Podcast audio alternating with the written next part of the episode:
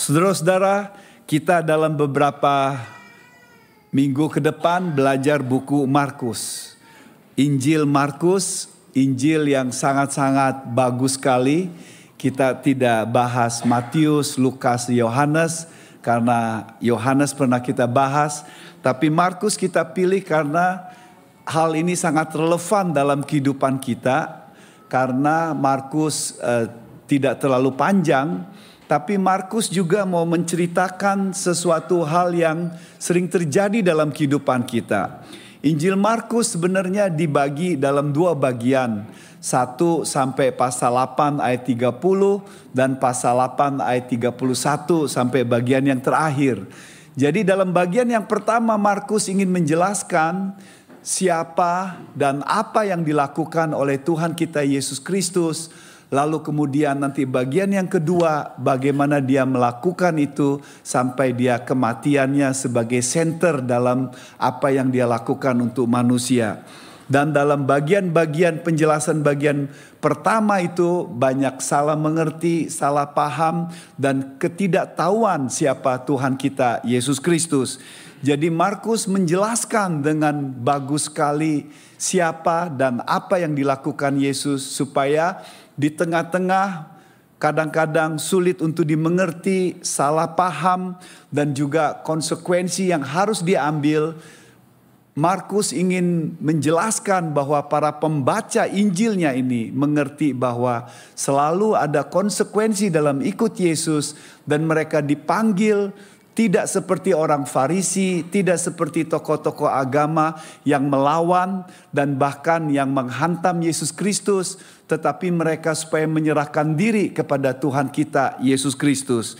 Jadi buku Markus ini sangat-sangat indah sekali saudara-saudara dan ini bagian yang pertama kita bahas yaitu ayat 1 sampai 15 yang kita akan bahas Bagian yang pertama ini berbicara tentang siapa Yesus dan apa yang dia lak, apa yang menjadi pesan utamanya. Saudara-saudara, saya tidak tahu kalau saudara membaca buku atau menonton film tentang riwayat hidup seseorang, saudara biasanya diperkenalkan dengan latar belakangnya, dengan latar belakang keluarga, latar belakang kebiasaannya, atau hal-hal yang berhubungan keunikan dia ketika berbicara tentang uh, pribadi yang akan dijelaskan.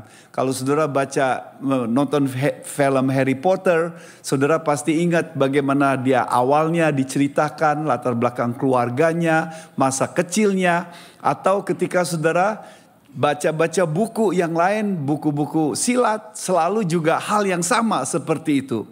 Dan sama seperti Markus ketika menjelaskan tentang Injil tentang Yesus Kristus, dia menjelaskannya hal yang sama. Tetapi dia tidak menceritakan dengan latar belakangnya seperti Markus dan seperti Lukas, tapi dia langsung to the point menjelaskan siapa dan apa inti yang dia mau sampaikan saudara-saudara. Jadi Markus langsung to the point untuk menjelaskan pada siapa Yesus itu dalam awal penjelasannya itu. Dan para pembaca yang kebanyakan para pembaca ini adalah uh, orang-orang Kristen yang ditujukan kemungkinan besar di Roma supaya mereka membacanya lalu bisa mengerti apa maksud tujuan daripada Yesus Kristus dan mereka jelas mengerti siapa Yesus Kristus.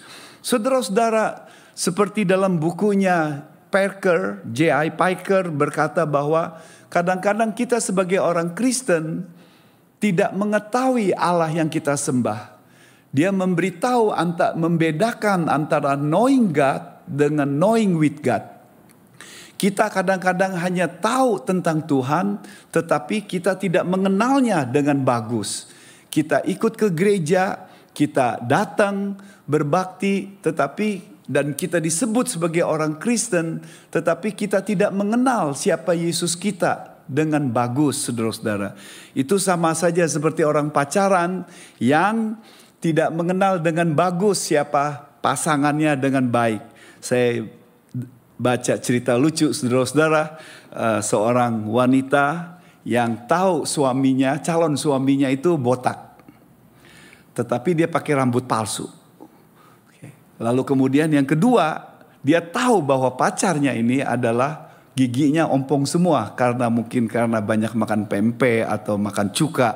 Jadi ada masalah lah. Kalau orang Lampung atau orang Palembang atau orang Bengkulu tahu selalu ada masalah dengan gigi saudara-saudara. Jadi uh, sang wanita ini tahu bahwa pacarnya ini adalah calon suaminya, palanya botak dan giginya ompong. Tapi selama yang dia kenal adalah sang suami, calon suaminya ini adalah pakai rambut palsu. Ya, yes. seperti Gio dulu mungkin ya. Gio nggak pernah pakai rambut palsu. ya, tapi ada beberapa yang mungkin pakai rambut uh, palsu. Ya, dan palanya botak, pakai rambut palsu, dan giginya adalah gigi palsu. Tapi sang wanita ini tidak pernah melihat calon suaminya benar-benar palanya botak dan giginya yang tanpa gigi itu dia belum pernah melihatnya. Tapi dia tahu, saudara-saudara, dia tahu bahwa calon suaminya botak, ada masalah dengan rambutnya, dan ada masalah giginya, gigi yang dipakai palsu. Kapan dia tahu? Diceritakan katanya pada waktu hari malam pengantin.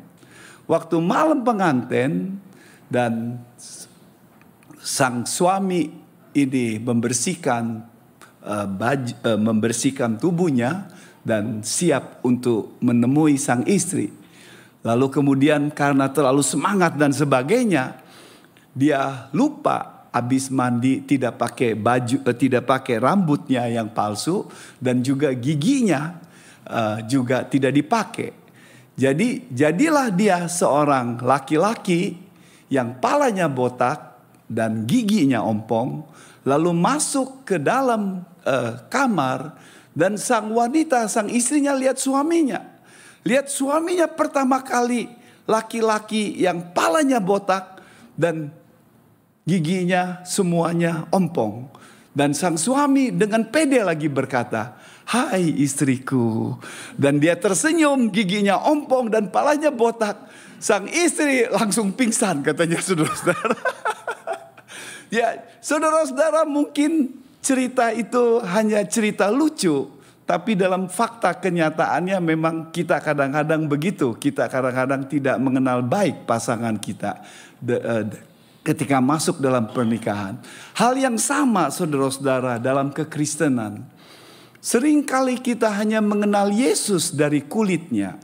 Mengenal Yesus dari segi namanya dan tapi kita tidak sungguh-sungguh mengalami secara pribadi hubungan secara pribadi dan apa siapa dia dan apa makna dan juga inti pesan yang dia sampaikan dalam kehidupan kita. Dan Markus bukanlah orang yang bertele-tele. Markus adalah orang pribadi ketika dia menulis langsung to the point. Poinnya langsung menuju kepada Yesus Kristus, siapa dan apa pesannya? Markus 1 ayat 1:15 coba kita bahas.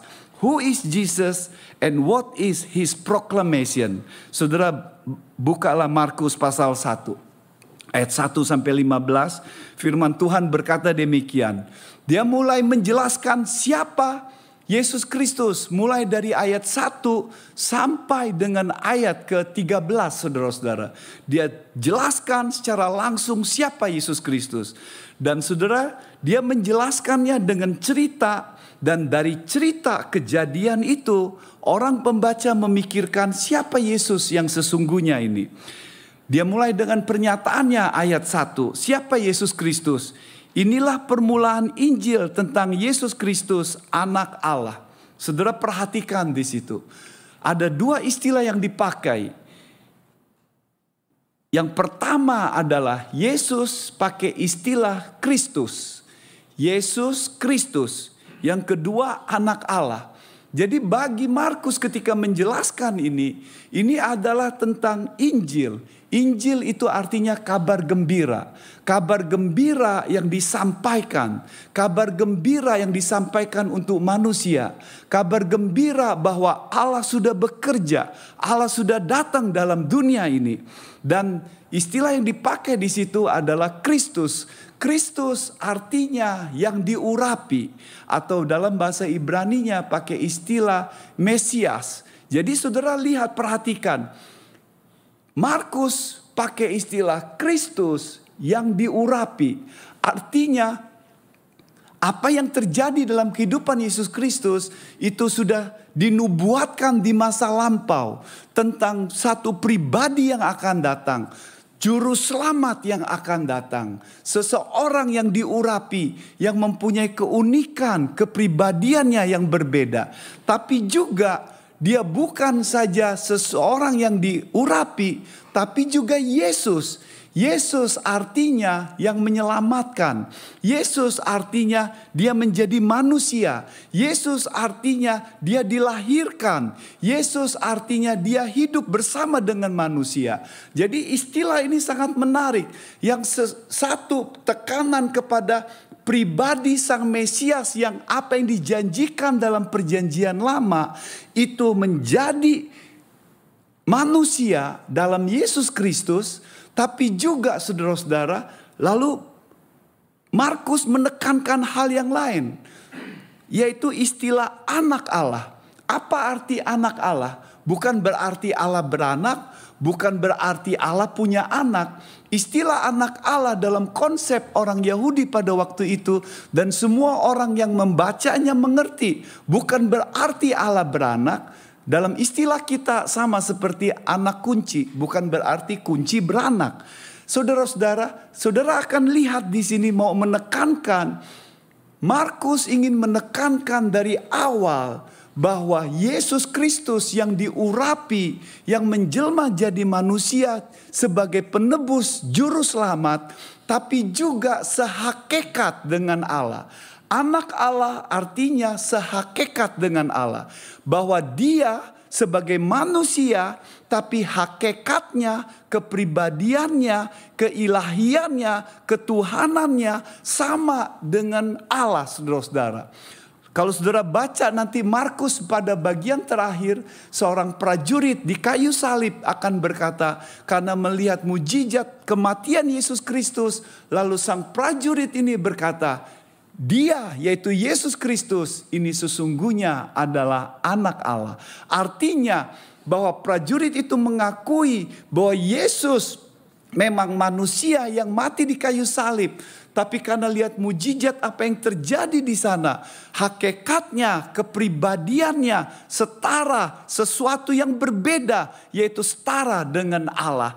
Saudara-saudara, jadi hal yang menarik, Markus langsung to the point untuk menjelaskan ini berita gembira, gembira tentang juru selamat yang datang ke dalam dunia. Ini yang sudah dijanjikan Sang Mesias, ini yang sehakikat kepribadiannya sehakikat dengan Allah.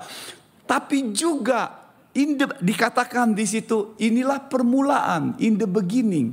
Jadi ketika kita membaca in the beginning itu menceritakan tentang kita para pembaca diingatkan pada kejadian in the beginning.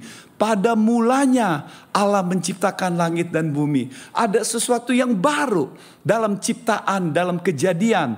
Tapi Injil Markus mau memberitahu prinsip yang sama kalau dalam perjadian berhubungan dengan penciptaan di mana Allah datang ke dalam dunia menciptakan ini lalu memberikan kehidupan yang baru. Sekarang dalam Yesus Kristus, Markus ingin menjelaskan di dalam Yesus Kristus ada kehidupan yang baru. Di dalam Yesus Kristus ada sesuatu yang baru terjadi, ada sesuatu yang dilakukan oleh Yesus Kristus, ada transformasi, ada kehidupan yang baru, apa yang dilakukan oleh Yesus Kristus, a new beginning, pembaruan yang dilakukan oleh Yesus Kristus.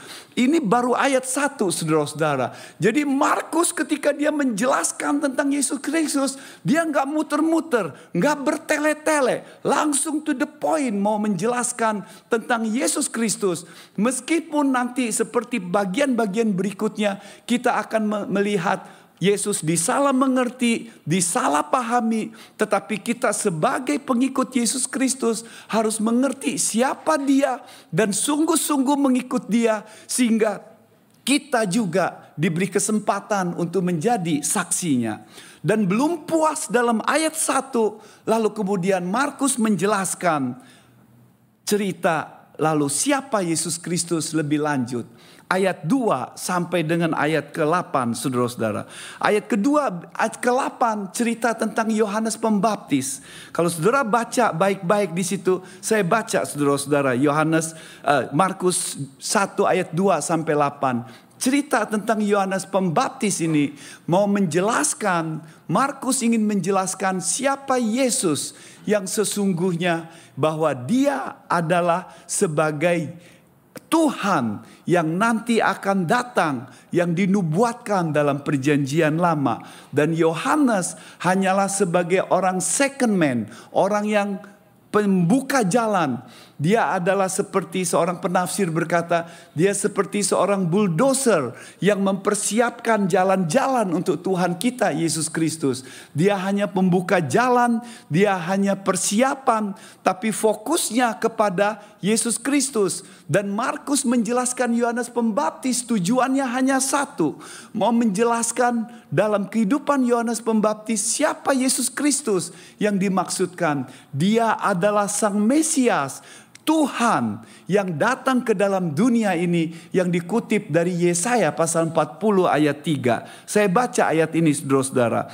Markus 2 ayat 8 demikian firman Tuhan.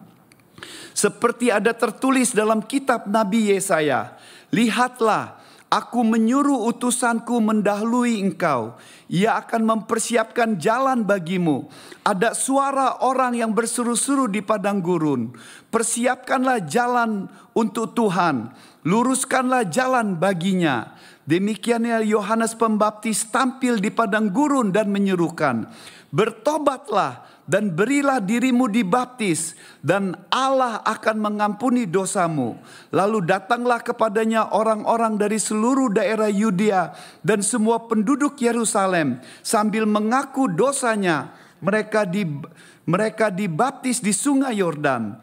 Yohanes memakai jubah bulu unta dan ikat pinggang kulit dan makanannya belalang dan madu hutan. Inilah yang diberitakannya Sesudah aku akan datang ia yang lebih berkuasa daripadaku. Membukuk dan membuka tali kasutnya pun aku tidak layak. Aku membaptis kamu dengan air, tetapi ia akan membaptis kamu dengan roh kudus. Eh, Yohanes Pembaptis dijelaskan oleh Markus dan tujuan Markus adalah untuk menjelaskan melalui kehidupan Yohanes siapa Yesus Kristus kutipan daripada uh, Yesaya 40 ayat 3 berkata demikian. Lihatlah aku menyuruh utusanku mendahului engkau. Ia akan mempersiapkan jalan bagimu. Ada suara orang yang berseru-seru di padang gurun. Persiapkanlah jalan untuk Tuhan. Luruskanlah jalan baginya. Saudara-saudara perhatikan. Markus ketika menjelaskan tentang Yohanes Pembaptis, dia menjelaskan dari tiga aspek Yohanes Pembaptis. Yang pertama, Yohanes Pembaptis adalah nubuatan apa yang terjadi dalam perjanjian lama yaitu sebagai seorang yang pembuka jalan untuk Yesus Kristus. Dia bukan Mesias, Yohanes Pembaptis bukan jadi fokusnya, Yohanes Pembaptis hanya second man, hanya orang yang kedua, bukan orang yang penting. Yohanes Pembaptis menunjuk kepada Yesus Kristus. Lalu kemudian Markus menjelaskan siapa Yohanes Pembaptis. Kepribadian Yohanes Pembaptis dijelaskan dia seorang yang pakai jubah kulit, lalu ikat pinggang, lalu kemudian makan uh, minum madu hutan, lalu kemudian dia uh, makan belalang, saudara-saudara. Simple sekali kepribadiannya, bukan untuk uh, ikut-ikutan, yaitu supaya fokus, supaya namanya dipuji, dia dikenal, supaya orang mengikuti dia. Orangnya simple, tapi juga orangnya berani dan tegas. Dan Markus menjelaskan itu untuk menunjukkan bahwa tekanan utamanya kepada siapa Yesus melalui kehidupan Yohanes Pembaptis. Lalu Yohanes Pembaptis juga berkata bahwa kepribadiannya tidak lebih penting. Saya tidak layak, saya bukan orang yang penting. Dia lebih berkuasa, dia nanti akan membaptis dengan Roh Kudus. Saya membaptis yang berbeda. Pembaptisan saya hanya persiapan supaya orang bertobat, tapi nanti percaya kepada Yesus Kristus. Jadi, saudara, perhatikan baik-baik. Markus menjelaskan tentang Yohanes Pembaptis. Pertama, dia menjelaskan bahwa melalui Yohanes Pembaptis siapa Yesus Kristus, lalu menjelaskan Yohanes Pembaptis kepribadiannya, lalu menjelaskan Yohanes Pembaptis pesannya bahwa dia bukan fokus tapi Yesus Kristus yang menjadi fokus. Jadi yang menjadi fokus daripada bagian ini adalah yang menarik. Siapa Yesus Kristus, saudara-saudara? Markus menjelaskan melalui Yohanes Pembaptis bahwa Yesus Kristus itu adalah Yahweh. Saudara perhatikan ayat ke dua tadi yang dibaca yang merupakan kutipan Yesaya 40 ayat 3. Persiapkan jalan untuk Tuhan, luruskanlah jalan baginya. Ini adalah kutipan dari Yesaya pasal 40 ayat 3 yang menjelaskan pada waktu itu bagaimana nanti Yahweh akan datang ke Yerusalem. Saudara-saudara, dari Nats itu mau menjelaskan, Markus menjelaskan bahwa istilah Yahweh yang dipakai untuk Tuhan itu disamakan untuk Yesus Kristus. Jadi dengan kata lain, eh, Markus sedang menjelaskan bahwa Yesus itu adalah Tuhan. Yesus adalah sama dengan Yahweh. Yesus adalah sama dengan apa yang disembah dalam perjanjian lama dan dia datang ke dalam dunia ini dan memberikan jalan. Kalau Yahweh nanti akan datang ke Yerusalem dan di, dalam Markus dikatakan bahwa Yesuslah yang datang nanti ke Yerusalem. Yesuslah yang mempersiapkan jalan. Yesuslah yang menjadi fokus dan Yohanes sebagai orang yang mempersiapkan jalan untuk Yesus Kristus. Jadi Saudara perhatikan baik-baik di sini. Bagaimana Markus menjelaskan ayat 1 bahwa Yesus adalah manusia yang menjelma jadi manusia tapi juga dia yang diurapi Kristus dalam perjanjian lama. Dia sehakikat Allah tapi juga dalam nats kita dilanjutkan bahwa dia adalah sederajat dengan Yahweh. Dia adalah sehakikat dengan Tuhan. Maka istilah yang dipakai di situ persiapkan jalan untuk Tuhan. Dan siapa Tuhan itu? Menuju kepada Yesus Kristus, yaitu Tuhan, kurios, untuk menunjukkan dia adalah pencipta langit dan bumi, mau menunjukkan dia adalah penguasa, dia raja di atas segala raja, dan dia adalah yang layak untuk disembah, yang layak untuk diikuti. Saudara-saudara, Markus to the point menjelaskan siapa Yesus Kristus. Tapi belum puas dia menjelaskan siapa Yesus Kristus dari Yohanes Pembaptis. Lalu dia menjelaskan dari segi hal yang lain saudara-saudara. Ayat 9 sampai 11. Yes, uh, Markus menjelaskan tentang pembaptisan Yesus Kristus. Saudara perhatikan. Seperti saya katakan. Markus menjelaskan siapa Yesus melalui peristiwa. Yes, uh, Markus menjelaskan Yesus dari kejadian. Pembacanya memikirkan, lalu kemudian mereka ambil kesimpulan siapa Yesus yang sesungguhnya. Sesudah cerita tentang Yohanes Pembaptis bahwa Yesus adalah Tuhan yang sama dengan Yahweh yang datang yang dinubuatkan dalam perjanjian lama yang sudah lama dinubuatkan dan rencana Tuhan yang luar biasa yang akhirnya datang ke dalam dunia dan sekarang Markus menjelaskan tentang pembaptisan Yesus Kristus. Saudara lihat ayat 9 sampai 11 firman Tuhan berkata demikian. Ayat 9 sampai 11. Pada waktu itu datanglah Yesus dari Nazaret, tanah Galilea, dan ia dibaptis di sungai Yordan oleh Yohanes. Pada saat ia keluar dari air, ia melihat langit terkoyak dan roh seperti burung merpati turun ke atasnya. Lalu terdengarlah suara dari sorga, Engkaulah anakku yang kukasihi, kepadamulah aku berkenan. Saudara-saudara, beda dengan Markus dan Lukas ketika menceritakan tentang Yesus Kristus. Yesus diceritakan di sini bukanlah apa yang pencobaan-pencobaan apa yang dilakukan oleh iblis untuk Yesus. Bagi Markus, dia tidak mau menjelaskan itu karena tujuannya berbeda. Setiap penulisan punya tujuan-tujuan tertentu.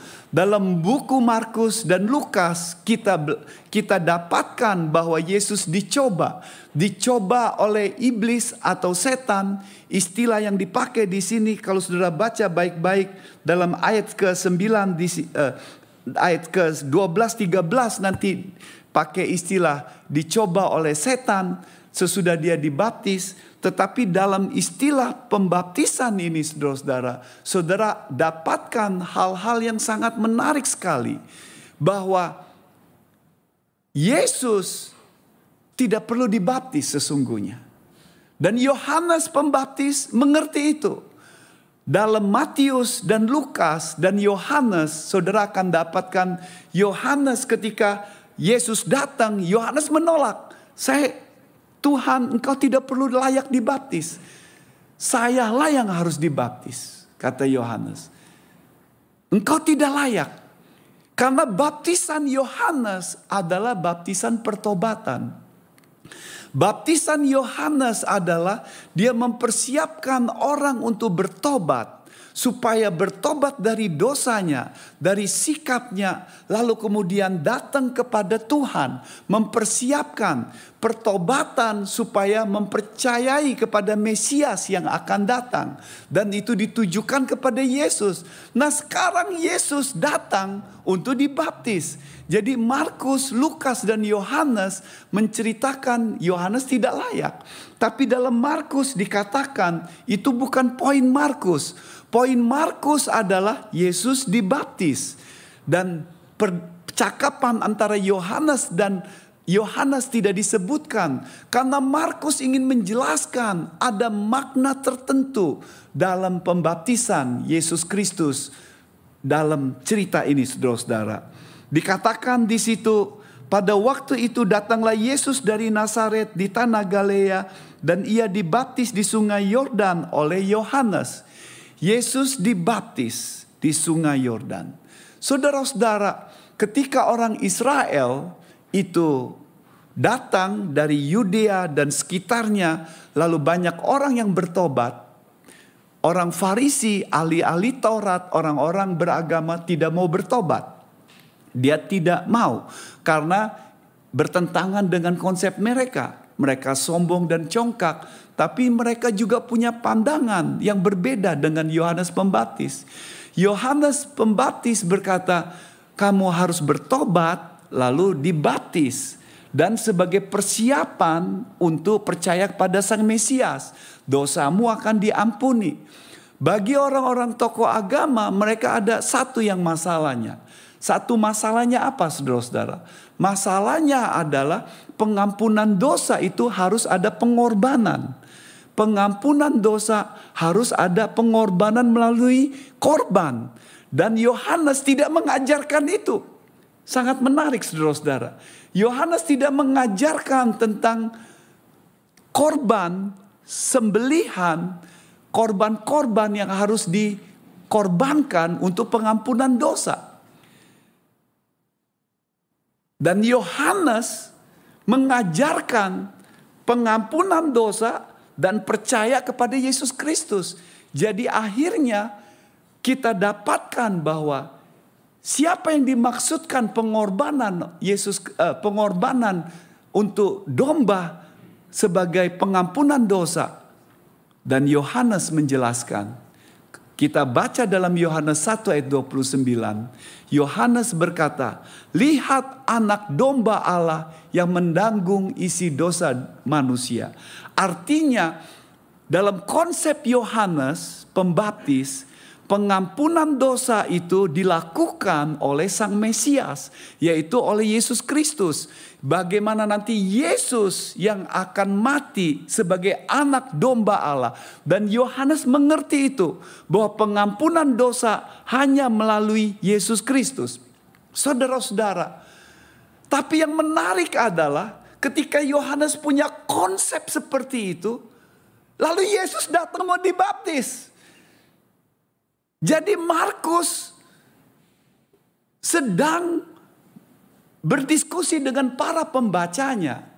Karena para pembacanya bisa melihat bahwa mungkin mereka sudah membaca sebelumnya cerita tentang Yesus dan mereka sudah dengar cerita tentang Yesus dan cerita tentang Yohanes Pembaptis yang menolak Yesus itu dibaptis. Sekarang, why? Kenapa Yesus harus dibaptis? Dan ayat-ayat selanjutnya menjelaskan seperti ini. Pada saat ia keluar dari air, ia melihat langit terkoyak dan roh seperti burung merpati turun ke atasnya. Jadi Markus ingin menjelaskan siapa Yesus sesungguhnya. Yesus tidak perlu dibaptis dan Yesus menjawab pada Yohanes Pembaptis pada Markus eh, pada Injil Matius dikatakan bahwa semuanya ini harus terjadi sesuai dengan kehendak Tuhan. Semuanya harus terjadi seperti sesuai dengan kebenaran yang Tuhan inginkan dalam kehidupan Tuhan kita Yesus Kristus. Dengan kata lain, Yesus belajar untuk taat, Yesus belajar untuk rendah hati, Yesus total taat kepada apa yang Tuhan inginkan dalam kehidupannya. Tapi bukan itu saja saudara-saudara. Bukan saja Markus menekankan tentang ketaatan, kesetiaan dan kerendahan hati Yesus Kristus. Dan uh, ketaatan mutlak pada apa yang Tuhan rencanakan dalam kehidupannya. Tetapi sesuatu yang terjadi Waktu baptisan dikatakan di situ, Yohanes melihat langit terkoyak. Jadi langit terbuka saudara-saudara, seperti terbelah dua. Belum pernah kejadian yang seperti itu dan tidak pernah ada dalam sejarah dunia dan dalam perjanjian lama. Tapi Markus menceritakan Yohanes melihat langit terkoyak. Jadi dengan kata lain, bagaimana kejadian untuk menunjukkan bahwa Yesus itu adalah pribadi yang unik. Lalu dikatakan ketika terbuka Roh seperti burung merpati turun ke atasnya. Merpati bukan roh kudus. Tetapi dikatakan di situ. Roh seperti burung merpati turun ke atasnya. Artinya roh kudus seperti burung merpati turun ke atas tubuh Yesus Kristus. Lalu kemudian bukan itu saja dalam ayat 11 dikatakan, lalu terdengarlah suara dari sorga. Engkaulah anak yang kukasihi, kepada kepada mula aku berkenan. Saudara lihat dalam nats kita, di sini suara daripada di sorga yaitu sang Bapa. Engkaulah anak yang kukasih, kepada mula aku berkenan. Saudara dapatkan di sini sesuatu yang sangat menarik. Allah kita satu, tapi Allah kita menyatakan dalam tiga pribadi, yaitu dalam Allah Anak, yaitu Yesus Kristus yang dibaptis, dan Roh Kudus yang dikatakan seperti burung merpati, dan suara, yaitu Sang Bapa. Kita Meskipun kita mau berpikir dengan sebaik-baiknya, agak sulit mau menjelaskan Tritunggal, saudara-saudara. Karena konsep ini adalah konsep Tuhan, dan karena manusia adalah manusia yang terbatas, manusia yang kita tidak bisa mengerti banyak hal konsep tentang Tuhan, sedangkan konsep Tritunggal adalah konsep tentang Tuhan, sedangkan kita dengan kemampuan yang kita terbatas ini susah untuk memikirkan konsep Tuhan. Tapi penjelasannya simple, sederhana. Allah kita satu tapi menyatakan dalam tiga pribadi. Allah anak yaitu Yesus Kristus yang menjelma jadi manusia. Lalu kemudian Allah roh kudus. Lalu kemudian Allah Bapa.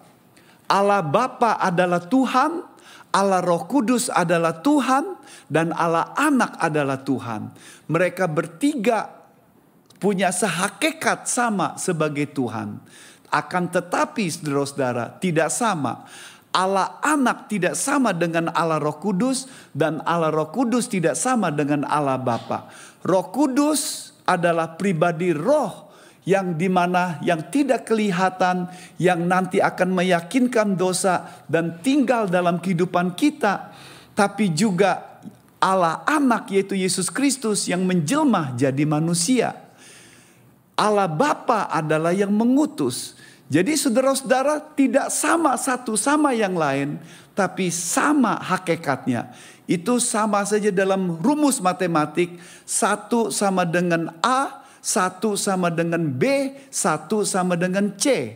Akan tetapi A tidak sama dengan B, B tidak sama dengan C, dan C tidak sama dengan A. Jadi tidak sama satu sama lain, tapi mereka sehakikat, yaitu sehakikat yaitu sebagai punya faktor keilahiannya.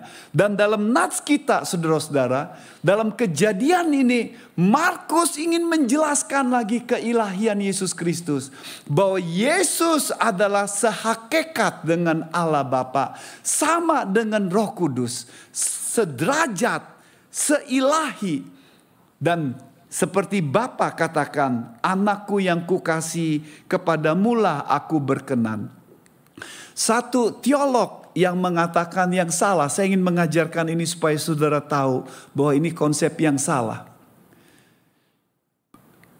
Dia mengatakan, Berk Ehrman mengatakan bahwa waktu Yesus dibaptis, Yesus diadopsi jadi sehakikat dengan Allah. Jadi waktu Yesus dilahirkan, dia tidak dia belum menjadi Allah. Dia tidak sehakikat dengan Allah. Tapi waktu dibaptis, Yesus diadopsi sehakikat dengan Tuhan. Saudara-saudara, konsep ini konsep yang salah. Karena tidak benar pernyataan tersebut. Pembaptisan Yesus bukanlah pembaptisan untuk pengangkatan dia menjadi Tuhan, bukan. Pembaptisan Yesus Kristus untuk menyatakan bahwa Allah berkenan kepadanya. Karena pembab, pengang, uh, pernyataan ini, pengangkatan ini juga nanti akan diulang kembali pada waktu transfigurasi Yesus Kristus. Dengan ketika Yesus di bukit lalu terjadi perubahan dalam tubuhnya dan lalu kemudian dikatakan di situ Allah Bapa berkata, inilah anakku di mana aku berkenan. Jadi itu tidak mungkin itu diulang dua kali saudara-saudara. Lalu kemudian nats ini dikatakan bukanlah sebagai sesuatu yang menjadikan. Engkaulah anak yang kukasih kepada mula aku berkenan. Nats ini berkata satu pernyataan. Bukanlah tubi. Kalau tubi akan berkata demikian. Engkaulah akan menjadi anak yang kukasihi. Tapi nats kita bukanlah seperti itu. Bukan menjadi, bukan to be, tapi sesuatu pernyataan. Jadi dengan kata lain bahwa konsep itu adalah konsep yang tidak benar. Bahwa Yesus sehakikat dengan Allah waktu pembaptisan itu mau menyatakan hal yang berbeda. Dia bukanlah pernyataan bahwa dia diangkat menjadi seperti Tuhan Bukan, itu konsep yang salah. Berarti ada makna lain. Apa maknanya saudara-saudara pembaptisan ini? Untuk menyatakan bahwa Yesus di dalam nats kita, bahwa Yesus sama Allah Bapa sama Roh Kudus itu sederajat, sehakikat sama Tuhan. Tapi juga pembaptisan ini seperti Markus katakan bahwa ini menunjukkan kerendahan hati, menunjukkan kehambaan, ketaatan totalitas daripada Yesus Kristus. Tapi bukan itu saja saudara-saudara. Baptisan Yesus Kristus ini menunjukkan satu gambaran di masa akan datang. Di mana gambaran itu adalah kematian Yesus Kristus. Markus pasal 10 ketika berbicara tentang Yakobus dan saudaranya yaitu Yakub yang ingin uh, sama uh, Yohanes ingin duduk di sebelah kanan Allah Bapa. Lalu Yesus berkata, "Engkau tidak tahu apa yang kau minta. Engkau harus minum baptisan yang aku harus alami." Dan Nats itu berbicara tentang suffering, penderitaan yang Markus katakan. Dengan kata lain, Yesus Markus memakai istilah baptisan dalam Markus 10 berbicara tentang penderitaan Yesus Kristus di mana dia akan mati dan bangkit di dari kayu salib. Jadi ketika bicara soal baptisan Markus pasal pasal 1 ini Markus sedang menjelaskan tentang gambaran di mana nanti Yesus nanti akan mati di kayu salib.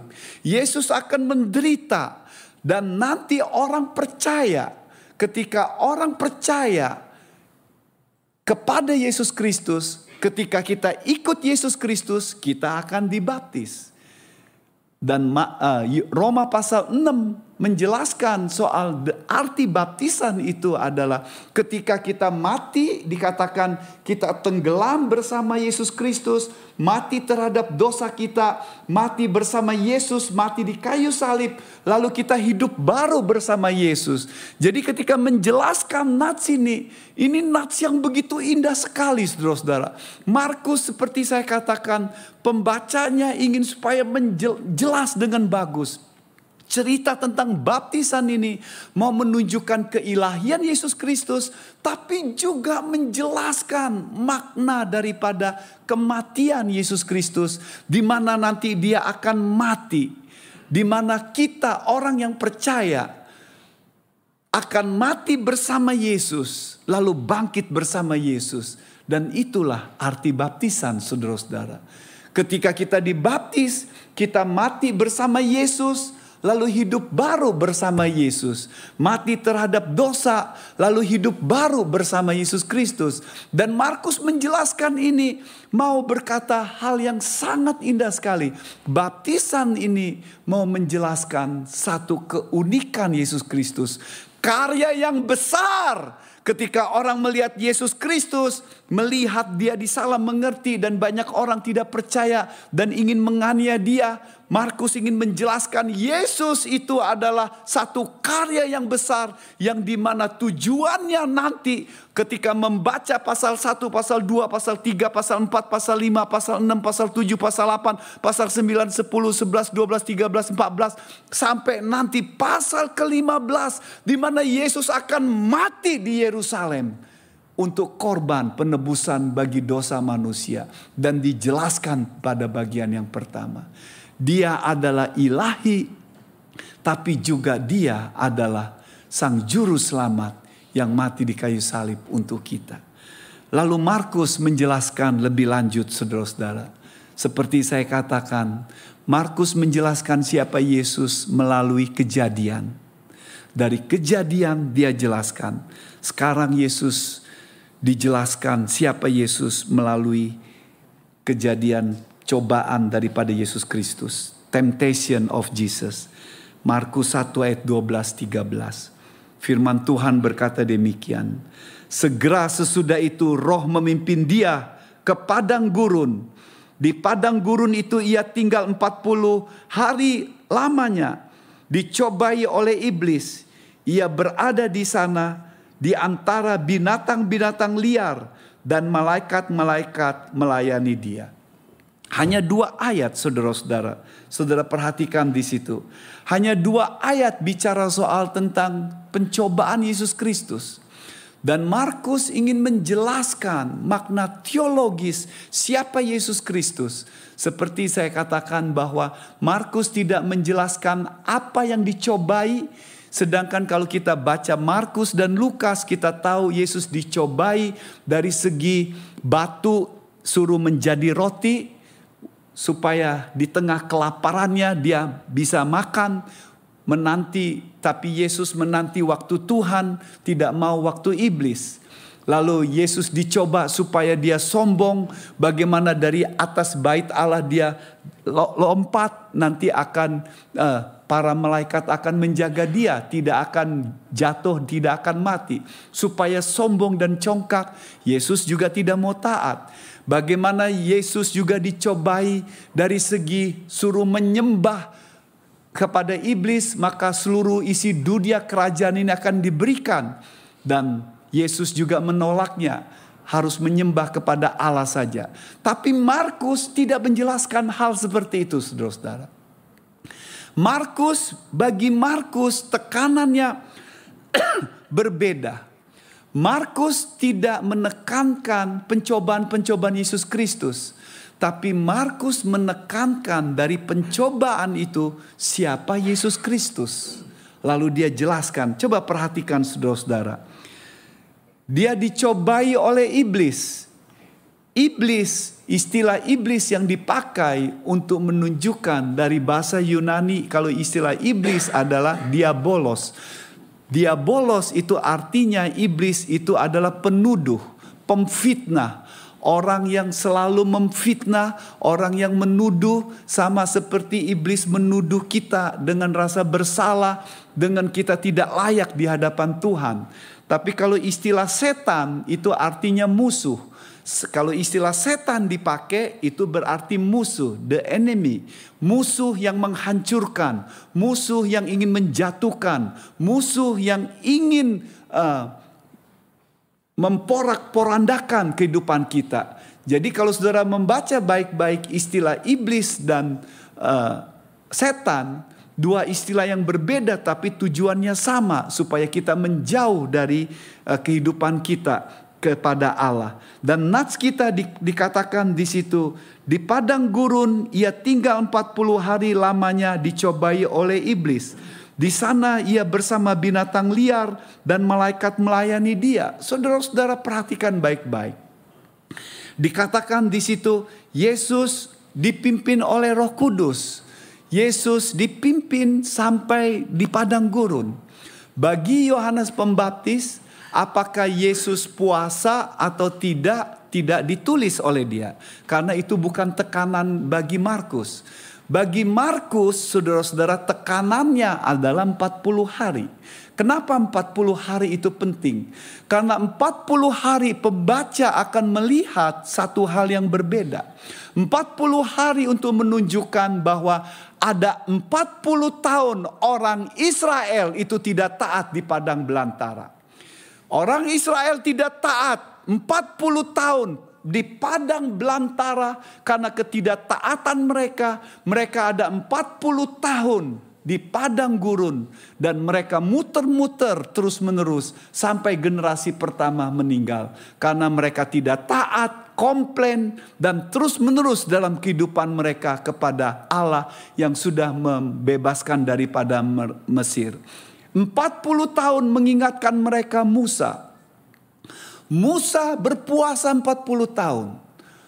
Lalu kemudian sesudah itu dia turun.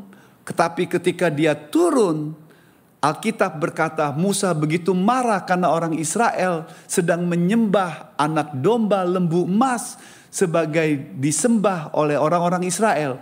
Musa marah lalu kemudian dua hukum Taurat dari dua loh batu itu dibanting oleh Musa. Jadi ayat itu mau menekankan tentang kontras dengan Yesus Kristus. Yang satu Musa di, berpuasa lalu kemudian dia gagal. 40 tahun orang Israel gagal. Jadi saudara lihat bahwa 40 tahun itu istilah yang sangat menarik bagi para pembaca. Karena mereka diingatkan perjanjian lama. Tapi juga saudara-saudara ada sesuatu yang unik yang berbeda lagi. Karena mereka dicobai di sini. Dikatakan Yesus dicobai. Dan dikatakan di sana binatang-binatang liar, malaikat-malaikat melayani dia. Ada istilah yang sangat menarik. Ada binatang-binatang saudara-saudara. Jadi orang ketika membaca di sini ada binatang-binatang, mereka kembali kepada kejadian. Karena Adam dan Hawa diciptakan sebelumnya ada binatang-binatang dan di sana ada binatang yang lengkap termasuk binatang yang liar juga. Jadi pikiran para pembaca dibawa kepada penciptaan awal pertama yaitu Adam dan Hawa.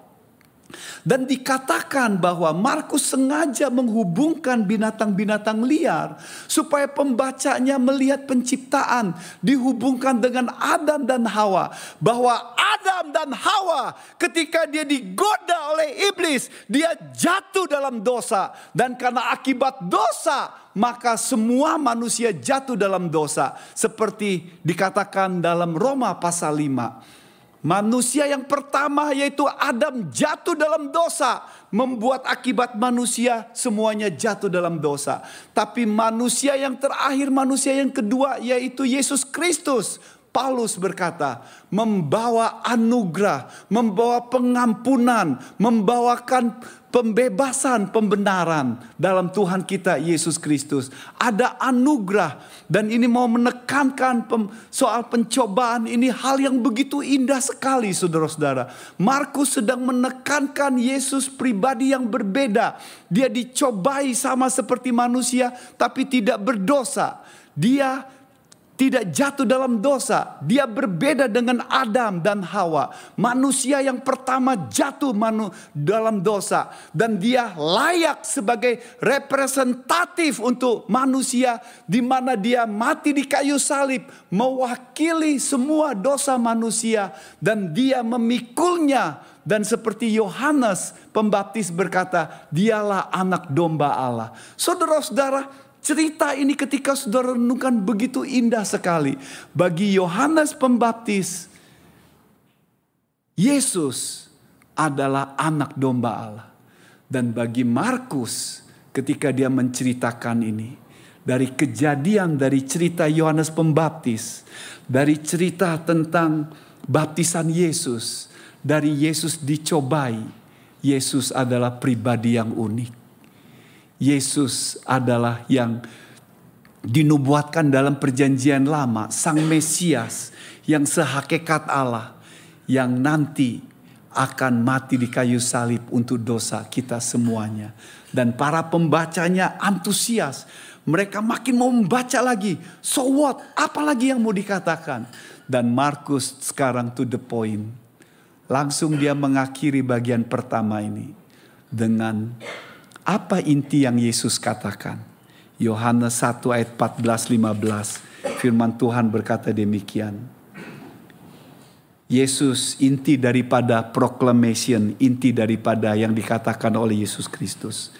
Sesudah Yohanes ditangkap, datanglah Yesus ke Galilea memberitakan Injil Allah. Katanya, waktunya telah genap, kerajaan Allah sudah dekat. Bertobatlah dan percayalah kepada Injil. Saudara-saudara, ini yang mau dikatakan. Ketika kita mengerti bahwa siapa Yesus Kristus, pribadi yang begitu unik, baru kita bisa mengerti dan menghargai perkataannya yang penting dalam kehidupan kita. Ketika kita menghargai seseorang, pribadinya, baru kita makin menghargai apa yang pesan yang dikatakan. Itu yang mau dimaksudkan oleh Markus. Ketika saudara dengan pasangan suami istri, ketika saudara tidak ada respect dengan suami, tidak respect sama istri, saudara sukar untuk menghargai dia, kata-katanya. Ketika seorang anak tidak menghargai papa mamanya, dia akan melawan, dia akan tidak taat. Tapi ketika seseorang itu menghargai pribadinya dan makin mengerti, dan dia makin mengerti dan menghargai perkataannya. Hal yang sama Markus ingin mengatakan, lihat siapa Yesus Kristus. Siapa Yesus Kristus? Dia adalah pribadi yang unik. Dia sang Mesias. Dia sehakikat dengan Allah. Dia adalah sang Yahweh. Dia dia adalah sederajat dengan Allah waktu baptisan. Dia adalah Allah yang datang ke dalam dunia yang melebihi Adam, melebihi daripada Musa. Dia adalah pribadi yang membawa kabar gembira bagi kita. Dan sekarang kabar gembiranya itu simple, sederhana. Yesus berkata, waktunya telah genap kerajaan Allah sudah dekat. Bertobatlah, percayalah kepada Injil. Apa pesan daripada Yesus Kristus? Pesannya simple, saudara-saudara. Pesannya adalah bertobatlah dan percayalah kepada aku. Bertobatlah, percayalah kepada aku karena kerajaan Allah sudah dekat. Istilah sudah dekat terjemahannya yang lebih lebih cocok sebenarnya adalah approaching bahwa sedang uh, sudah mendekati atau sama seperti kalau kita dalam perjalanan ke Sydney kita sudah masuk pembatasan dari Sydney ke Melbourne tapi perjalanan kita masih ada 3-4 jam tapi kita sudah berada di dalam Sydney atau di dalam Melbourne. Itu namanya approaching. Sama seperti kalau kita naik kapal terbang dari Indonesia ke sini, meskipun masih empat jam lagi, tapi di situ ditul dikasih tahu kita sudah masuk daerah Australia. Seberapa jam lagi kita akan landing. Hal yang sama yang dikatakan oleh Yesus. Yesus mau katakan kerajaan Allah itu sudah mendekati sudah ada, sedang mendekati, dan sekarang persiapkan hatimu. Istilah kerajaan Allah mau menunjukkan bahwa ada hal yang sangat menarik. Istilah kerajaan untuk menunjukkan bahwa Markus ingin menjelaskan bahwa manusia itu dibagi ada dua. Satu adalah manusia yang dikuasai oleh kerajaan iblis dikuasai oleh kegelapan, dikuasai oleh dosa, dikuasai oleh darkness, dikuasai oleh hal-hal yang berhubungan kejelekan, kehancuran dalam hidup kita. Dan Paulus menyatakan yang sama dalam Efesus pasal 2 dan Efesus pasal 6. Bagaimana dunia ini dikuasai oleh sang iblis. Dan Yesus pakai istilah bahwa manusia dikuasai dalam kegelapan dan kita dikatakan di situ ketika kita percaya pada Yesus Kristus, Yesus Kristus menjadi raja atas kita dan kita tinggal dalam dunia tapi kita sudah pindah dari kerajaan iblis yang dikuasai oleh belenggu dosa, oleh kematian, oleh kekalahan, oleh kekhawatiran, dipindahkan menjadi kerajaan yang baru, yaitu Yesus yang menjadi rajanya. Jadi ketika bicara soal kerajaan Allah berbicara bahwa ini adalah menunjuk kepada Yesus sebagai raja yang menguasai hati manusia. Bukanlah lagi diri kita yang dikuasai diri sendiri, tapi Yesus yang menjadi penguasanya, di mana di dalamnya ada terang, ada kehidupan, bukan lagi tentang dikalahkan dengan dosa, bukan lagi dengan kematian, bukan lagi dengan kekhawatiran dan ketakutan, tapi Yesus yang menjadi raja di atas segala raja. Kerajaan Allah bukan gereja. Dengar baik-baik saudara-saudara. Kerajaan Allah bukan gereja. Gereja adalah kumpulan orang-orang yang percaya kepada Yesus Kristus. Yang menyembah kepada dia.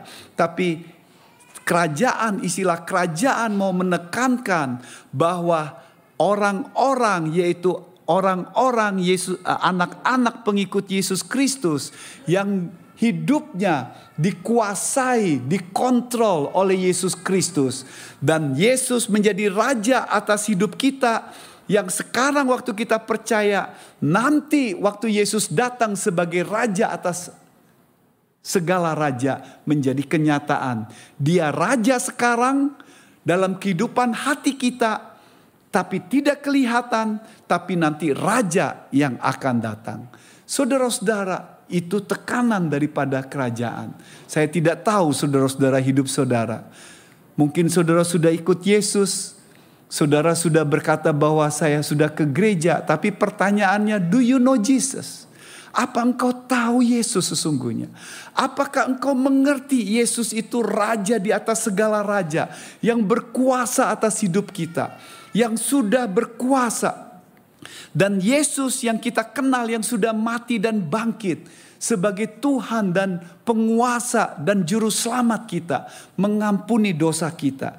Dan pesannya adalah simple, bertobatlah dan percaya kepada Dia. Istilah bertobat maksudnya adalah perubahan pikiran. Perubahan pikiran soal apa, saudara-saudara?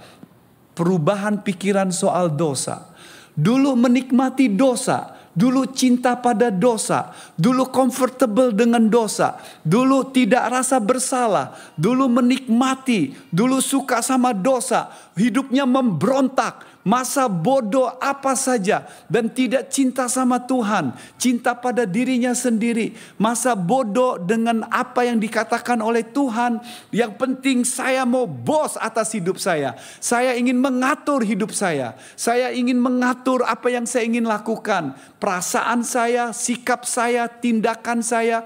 I am the boss of myself dan itulah hidup dalam kerajaan gelap, yaitu di mana manusia ingin berkuasa atas hidupnya dan hidup dalam seperti ini, hidup dalam perbudakan, ketakutan dan kematian dan kekhawatiran menguasai. Tapi Yesus datang memberikan sesuatu yang berbeda. Yesus berkata, "Bertobatlah." Mungkin saudara bukan orang pembunuh, saudara bukan orang penjahat, saudara bukan orang yang penjinah, Saudara bukan orang yang disebut orang yang jelek-jelek. Tetapi Alkitab berkata, kita sama seperti yang lainnya adalah orang yang berdosa. Hakikat kita orang yang berdosa. Kita cinta pada diri kita sendiri. Kita lupa sama Tuhan. Kita selfish. Kita menjadi raja atas diri kita, diri kita sendiri. Kita comfortable dan menikmati dosa. Dan kita kadang-kadang tidak mau untuk dinasehati. Kita stubborn, kita suka pada kegelapan Alkitab berkata. Kita suka memberontak. Jadi bertobatlah istilah itu dipakai untuk berkata kita bertobat. Kita berkata saya orang berdosa. Saya jauh dari Tuhan. Saya cinta pada kegelapan. Sekarang saya mau datang pada Yesus Kristus. Yang mati di kayu salib. Yang Yesus Kristus sang Mesias. Yesus Kristus yang sehakikat dengan Allah. Yesus Kristus yang memberikan anugerahnya. Yesus Kristus yang memberikan keselamatan bagi kita. Dan mati di kayu salib untuk kita. Dan Yesus berkata, bertobatlah, percayalah pada Injil. Dengan kata lain, setiap manusia bisa melakukan ini semuanya. Tinggal kita berkata, apakah kita mau mempersembahkan hidup kita pada Yesus Kristus? Atau kita, meskipun orang Kristen, tapi kita tidak mengenal dia dan kita tidak mengabdi dan memberikan hidup kita kepada Dia. Markus ingin menjelaskan in the beginning. Ketika kita mengenal Dia, tahu Dia, dan ada hidup yang baru dalam kehidupan Dia. A new beginning with a new life. Itu yang ditawarkan oleh Markus melalui Injil Yesus Kristus. Parker berkata, orang yang mengenal Tuhan itu berbeda dalam bukunya Knowing God. Orang yang mengenal Tuhannya, dia akan antusias mau menyembah Tuhannya. Orang yang mengenal dia, itu ada kekuatan dalam menghadapi hidup. Orang yang mengenal dia itu ada kekuatan untuk containment atas hidupnya. Puas dengan hidupnya. Orang yang mengenal dia itu dia diberikan keberanian untuk bersaksi tentang Yesus Kristus dalam kehidupannya. Biar kita pulang disegarkan. Do you know him? Itu pertanyaan. Itu pertanyaannya, saudara. Do you know him fully? Apakah engkau tahu dia? Atau hanya sekedar tahu saja? Biar kita pulang dan berkata, Jesus, I know you. I give my life to you. Mari kita berdoa bersama-sama.